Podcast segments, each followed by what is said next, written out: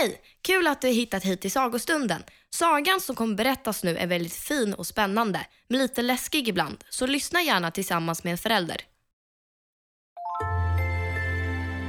Nej men hallå där! Hörde jag någon?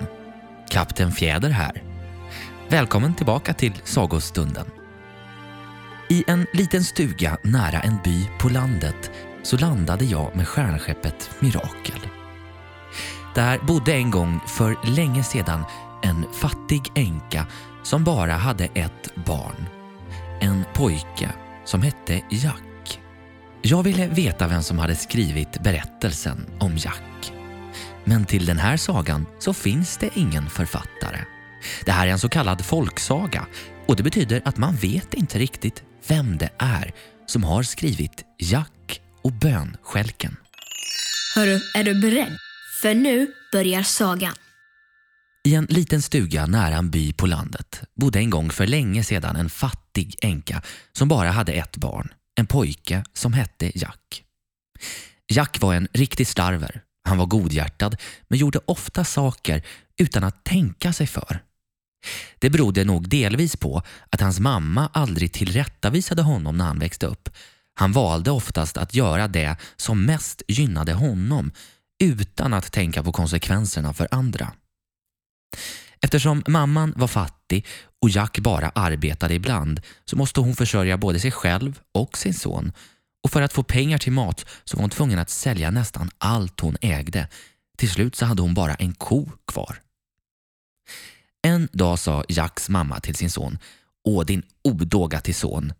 Medan du var och roade dig i stan så var vi tvungna att äta upp den sista maten vi hade. Jag har inte ens tillräckligt med pengar för att kunna köpa en bit bröd. Inget är kvar utav min stackars ko. Nu måste vi sälja den för att kunna skaffa oss mer mat. Jack skämdes ett tag över hur han hade betett sig men efter ett tag, medan han blev allt hungrigare, så övertalade han sin mamma att låta honom sälja kon. Eftersom hon inte visste någon annan utväg så lät hon sig övertalas. Hon bad sin son att ha gott omdöme och se till att han skulle få ett bra pris för kossan. Så Jack startade sin resa mot marknaden där han skulle sälja kon. På vägen dit så mötte han en slaktare som frågade varför han tagit med sig kon hemifrån. Jack svarade att han skulle sälja den. Slaktaren hade en väska med några vackra bönor i olika färger som fångade Jacks intresse. Detta såg slaktaren som kände till Jack och bestämde sig för att försöka lura till sig kon. Han erbjöd därför Jack sina bönor i utbyte mot hans ko. Den dumma pojken glömde bort vilka behov de hade hemma och vad han lovat sin mamma. Han tänkte bara på hur roligt det skulle vara att ha de vackra bönorna. Han tackade därför ja till erbjudandet och slaktaren gick sin väg med kon. Jack skyndade hem och berättade glad i hågen för sin mamma vad han gjort. Mamman blev alldeles utom sig och brast ut i tårar. Dumma pojke, skrek hon. Nu har vi inget alls att äta. Du har sålt min stackars ko för några futtiga bönor som kittlade din fantasi. Gå din väg, det blir ingen kvällsmat idag. Sedan kastade hon ut alla bönor genom bakdörren medan hon grät över sin sons dumhet. För första gången i sitt liv så blev Jack ångerfull över vad han gjort. Han insåg nu hur värdelösa dessa bönor var och hans mors sorg gjorde honom ännu mer ledsen. Han hade inte längre lust att roa sig. Istället gick han till sitt rum och tänkte. Han kom ihåg hur snäll hans mamma alltid var mot honom och hur tanklöst han hade betett sig. Ikväll skulle han bli skuld till att hon skulle bli hungrig och inte ha något att äta. Han satt länge, länge och sörjde och bestämde sig för att nästa dag skaffa sig ett riktigt arbete. Nästa morgon när han steg upp ur sin säng såg han att något konstigt och grönt hade grott upp utanför sitt fönster.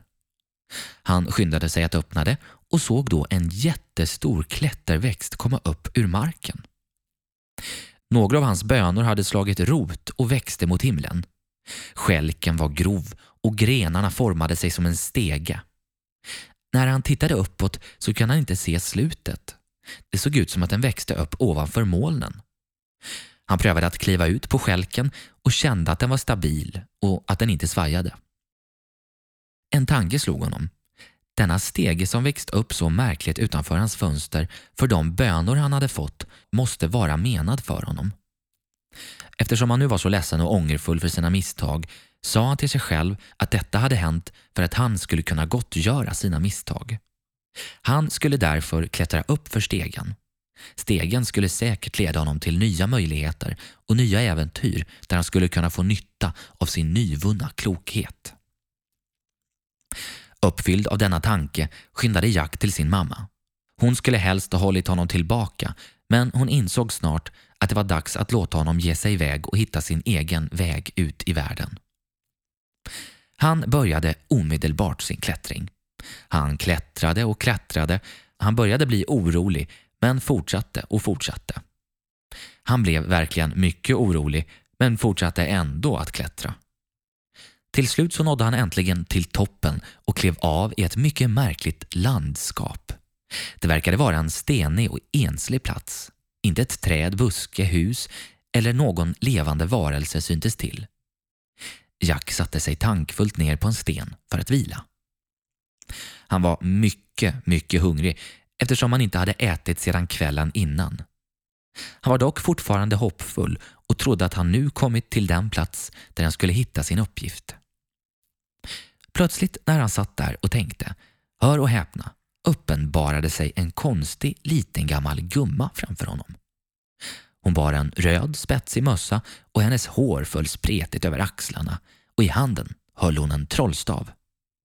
Jack, sa hon och gick närmare honom. Jag är en fe. Din ånger över dina dumma handlingar och din önskan att göra en god sak gjorde att dina bönor växte upp till en stege som förde dig till mig. Hade du bara tittat på den gigantiska bönskälken och fånigt undrat över den så hade du aldrig hittat mig. Nu visade du nyfikenhet, stort mod och företagsamhet. Därför förtjänar du en belöning. Det är mitt uppdrag att berätta vilka viktiga saker som du ska göra här. Det jag kommer att berätta för dig har din mor aldrig vågat berätta. Pojke, du kommer nu att få ett uppdrag som kommer att göra dig till en man. Jack höll andan av nyfikenhet och upphetsning medan Fen fortsatte sin berättelse. Din far var en rik man som var väldigt givmild. Han var alltid snäll mot sin omgivning och han hjälpte inte bara dem som bad honom om hjälp utan alla som han såg behövde någonting. Han var så snäll att han retade upp en gigantisk jätte som bodde i närheten. Denna skräckinjagande varelse var full av ondska och grymhet och stod inte ut med allt tal om hur snäll han var. När han hörde att dina föräldrar skulle resa bort och besöka en vän så lyckades han lura in dem på en sidoväg. Tog dem till fånga och band dem till både händer och fötter. Sedan åkte han upp till slottet, drev ut dina föräldrars tjänare och tog över det. När detta hände så var du bara några månader gammal och tillsammans med din mor och far så kastades du ner i slottets djupaste fängelsehåla. Där låg ni alla tre under flera månader men till sist så erbjöd han sig att släppa dig och din mor fria mot ett löfte om att hon aldrig skulle berätta för någon om vad du varit med om. För att göra det omöjligt för henne att skada honom satte han din mor med dig i sin famn ombord på en båt som skulle åka till ett avlägset land. Där var hon nu med bara lite pengar som hon fått när hon sålde några smycken som hon har gömt under sin klänning. Jätten lever fortfarande kvar och håller din far fången i slottet. Du är den som måste befria honom och låta honom återfå sina ägodelar. Allt som jätten har är ditt. Återta allt du kan. Du kommer att råka ut för svårigheter och faror men du måste visa mod och fullfölja din uppgift. Och du behöver inte ha så bråttom, utan visa att du nu är en klok man. Kom ihåg att rättvisa alltid går före ondska. Bär med dig den vetskapen så kan du ta dig an uppgiften utan rädsla och bli en av dem som kan besegra jättar. Så snart hon avslutat sin berättelse försvann Fen och lämnade Jack, som förstås blivit väldigt uppjagad över vad hon sagt. Det var ingen lätt uppgift som låg framför honom. Han gick och gick utan att komma till någon bebyggelse och så småningom blev det kväll och han la sig ner i skydd av en klippa och somnade. På morgonen såg han till sin stora glädje ett stort slott. Han var nu i starkt behov av mat och gick långsamt fram mot dörren, lyfte på dörrkläppen och knackade. En mycket stor kvinna med ett ansikte som inte såg särskilt vänligt ut öppnade dörren för honom. Hon lyssnade under stor förvåning till honom medan han bad om att få lite att äta. Det var väldigt överraskande, sa hon, att se en främmande varelse nära detta hus för det var väl känt att hennes man var en grym och ful jätte som var elak mot alla som kom honom nära. Om du vet ditt bästa, fortsatte hon, så springer du iväg med en gång så fort dina ben kan bära dig. Trots sin hunger så var Jacks första tanke att göra som hon sa och springa iväg. Men sedan kom han ihåg vad Fen hade sagt och orsaken till att han var där. Han stod därför modigt kvar och bad återigen om mat. I utbyte så lovade han att göra vilket slags arbete som helst. Kvinnan övervägde detta en stund. Hon arbetade som slav från morgon till kväll och var i stort behov av någon som hjälpte henne. Till slut lät hon sig övertalas och förde Jack in i huset. Först passerade de en elegant hall, vackert möblerad. Sedan passerade de flera rum, alla i samma storslagna stil men alldeles ödsliga. Sedan kom en lång, mycket mörk korridor. Det var bara tillräckligt ljus för att kunna se att istället för väggar på sidorna så var det galler av järn. Bakom gallren var det mörka fängelsehålor varifrån Jack kunde höra suckar och skrammel av kedjor. Hans hjärta slog nu snabbare. Kanske var det hans pappa som hölls fången.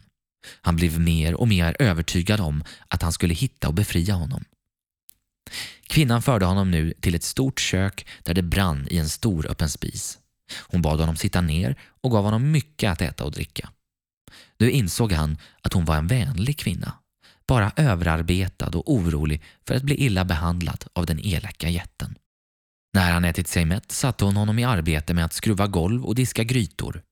Han arbetade hela dagen, hårdare och mer uthålligt än han någonsin gjort förut och kvinnan försåg honom med mycket mat.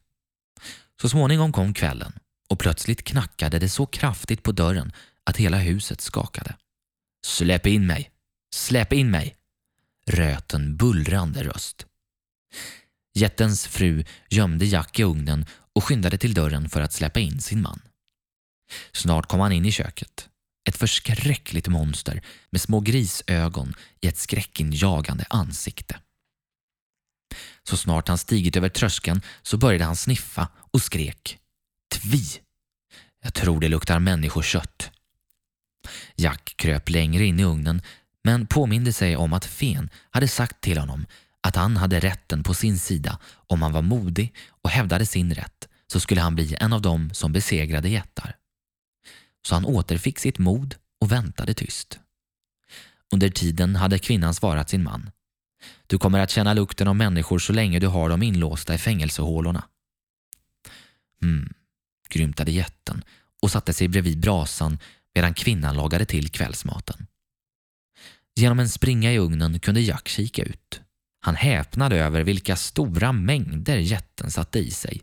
Det verkade som att han aldrig skulle sluta äta och dricka. När han äntligen var klar med måltiden placerades en märklig höna på bordet framför honom. Han såg hur hönan stod framför jätten och när jätten sa ”lägg ägg” la hönan ett ägg av gyllene guld. Jätten roade sig med hönan en lång stund medan hans hustru gick och la sig. Men så småningom föll han i sömn i sin stol och började snarka som en bullrande kanon.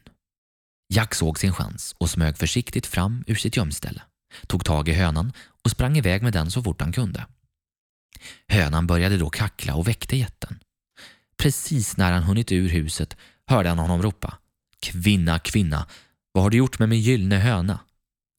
Det var det enda Jack han höra eftersom han skyndade sig tillbaka till bönskälken och klättrade ner, fort som en oljad blixt. Hans mamma blev överlycklig när hon fick se honom. Mamma, sa Jack, nu har jag med mig allt vi behöver för att kunna köpa vad vi vill. Hönan la så många ägg han önskade. Jack sålde dem och hade mer pengar än de två behövde. Därefter klättrade Jack upp till jätten igen. När han hade ätit sin kvällsmat bad jätten sin fru att hämta harpan. Jack kikade under locket på kitten som han hade gömt sig i och såg snart kvinnan komma in med instrumentet. Harpan var av guld och på fronten var det en vacker kvinnofigur med vingar. Hennes klänning flöt ut mot golvet och formade sig som en harpa. Jätten ställde harpan på bordet och sa ”spela”. Harpan började omedelbart spela. Musiken var så mjuk och melodisk att Jack fylldes av välbehag och blev angelägen att erövra även denna ädla skatt. Men jätten njöt inte av den behagliga musiken, istället föll han snart i sömn. Jack klev omedelbart ur kitten och tog harpan. Han hade knappt hunnit ta tag i den förrän den började ropa ”Mästare, mästare”. Jack var nära att släppa den när han plötsligt kände att den drog i honom i sin arm som om den var levande. Harpan styrde med sina vingar och drog honom med sig, inte mot den yttre dörren utan mot fängelsehålorna. Och där fick han se en vithårig man i kedjor som ropade ”Min harpa, min harpa! Vem är det som kommer med den?” fortsatte mannen. Jack svarade genast ”Din son”. ”Min son”, upprepade mannen i glädjetårar. ”Min son”. Medan han talade sträckte han ut händerna genom gallret och harpan flög genast in i dem. Harpa, harpa, spela bort mina kedjor, befallde han. När harpan spelade föll kedjorna bort ifrån den gamle mannens fötter. Harpa, harpa, spela så att fängelsedörren öppnas. Harpan spelades igen och dörren öppnades. Jacks pappa kom ut och de skyndade ner för korridoren och de tog sig ut ur slottet. Till slut nådde de bönskälken Jack och hans pappa klättrade snabbt ner. Så snart de nått ner till botten syntes jätten vid toppen av stegen. Jätten kom klättrande neråt, frustande och rytande, men Jack hämtade en yxa och när jätten nästan var nere så började Jack hugga av skälken. Han hann knappt börja innan hela bönskälken skrumpnade och den store jätten exploderade som en jättestor bubbla. Då föll Jack och hans mamma och pappa i varandras armar och gladdes åt att de äntligen nu återigen var tillsammans. När det gäller jättens fru så var hon säkert glad att hon blivit befriad ifrån en sådan grym och elak man.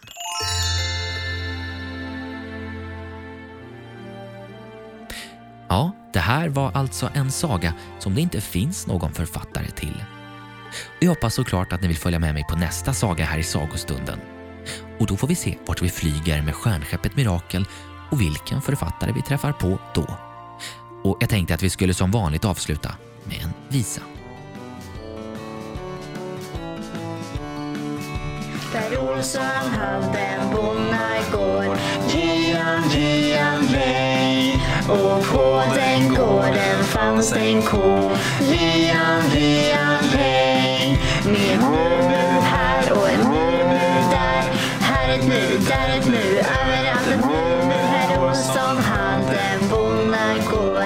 Lian, Lian, hej. Per Olsson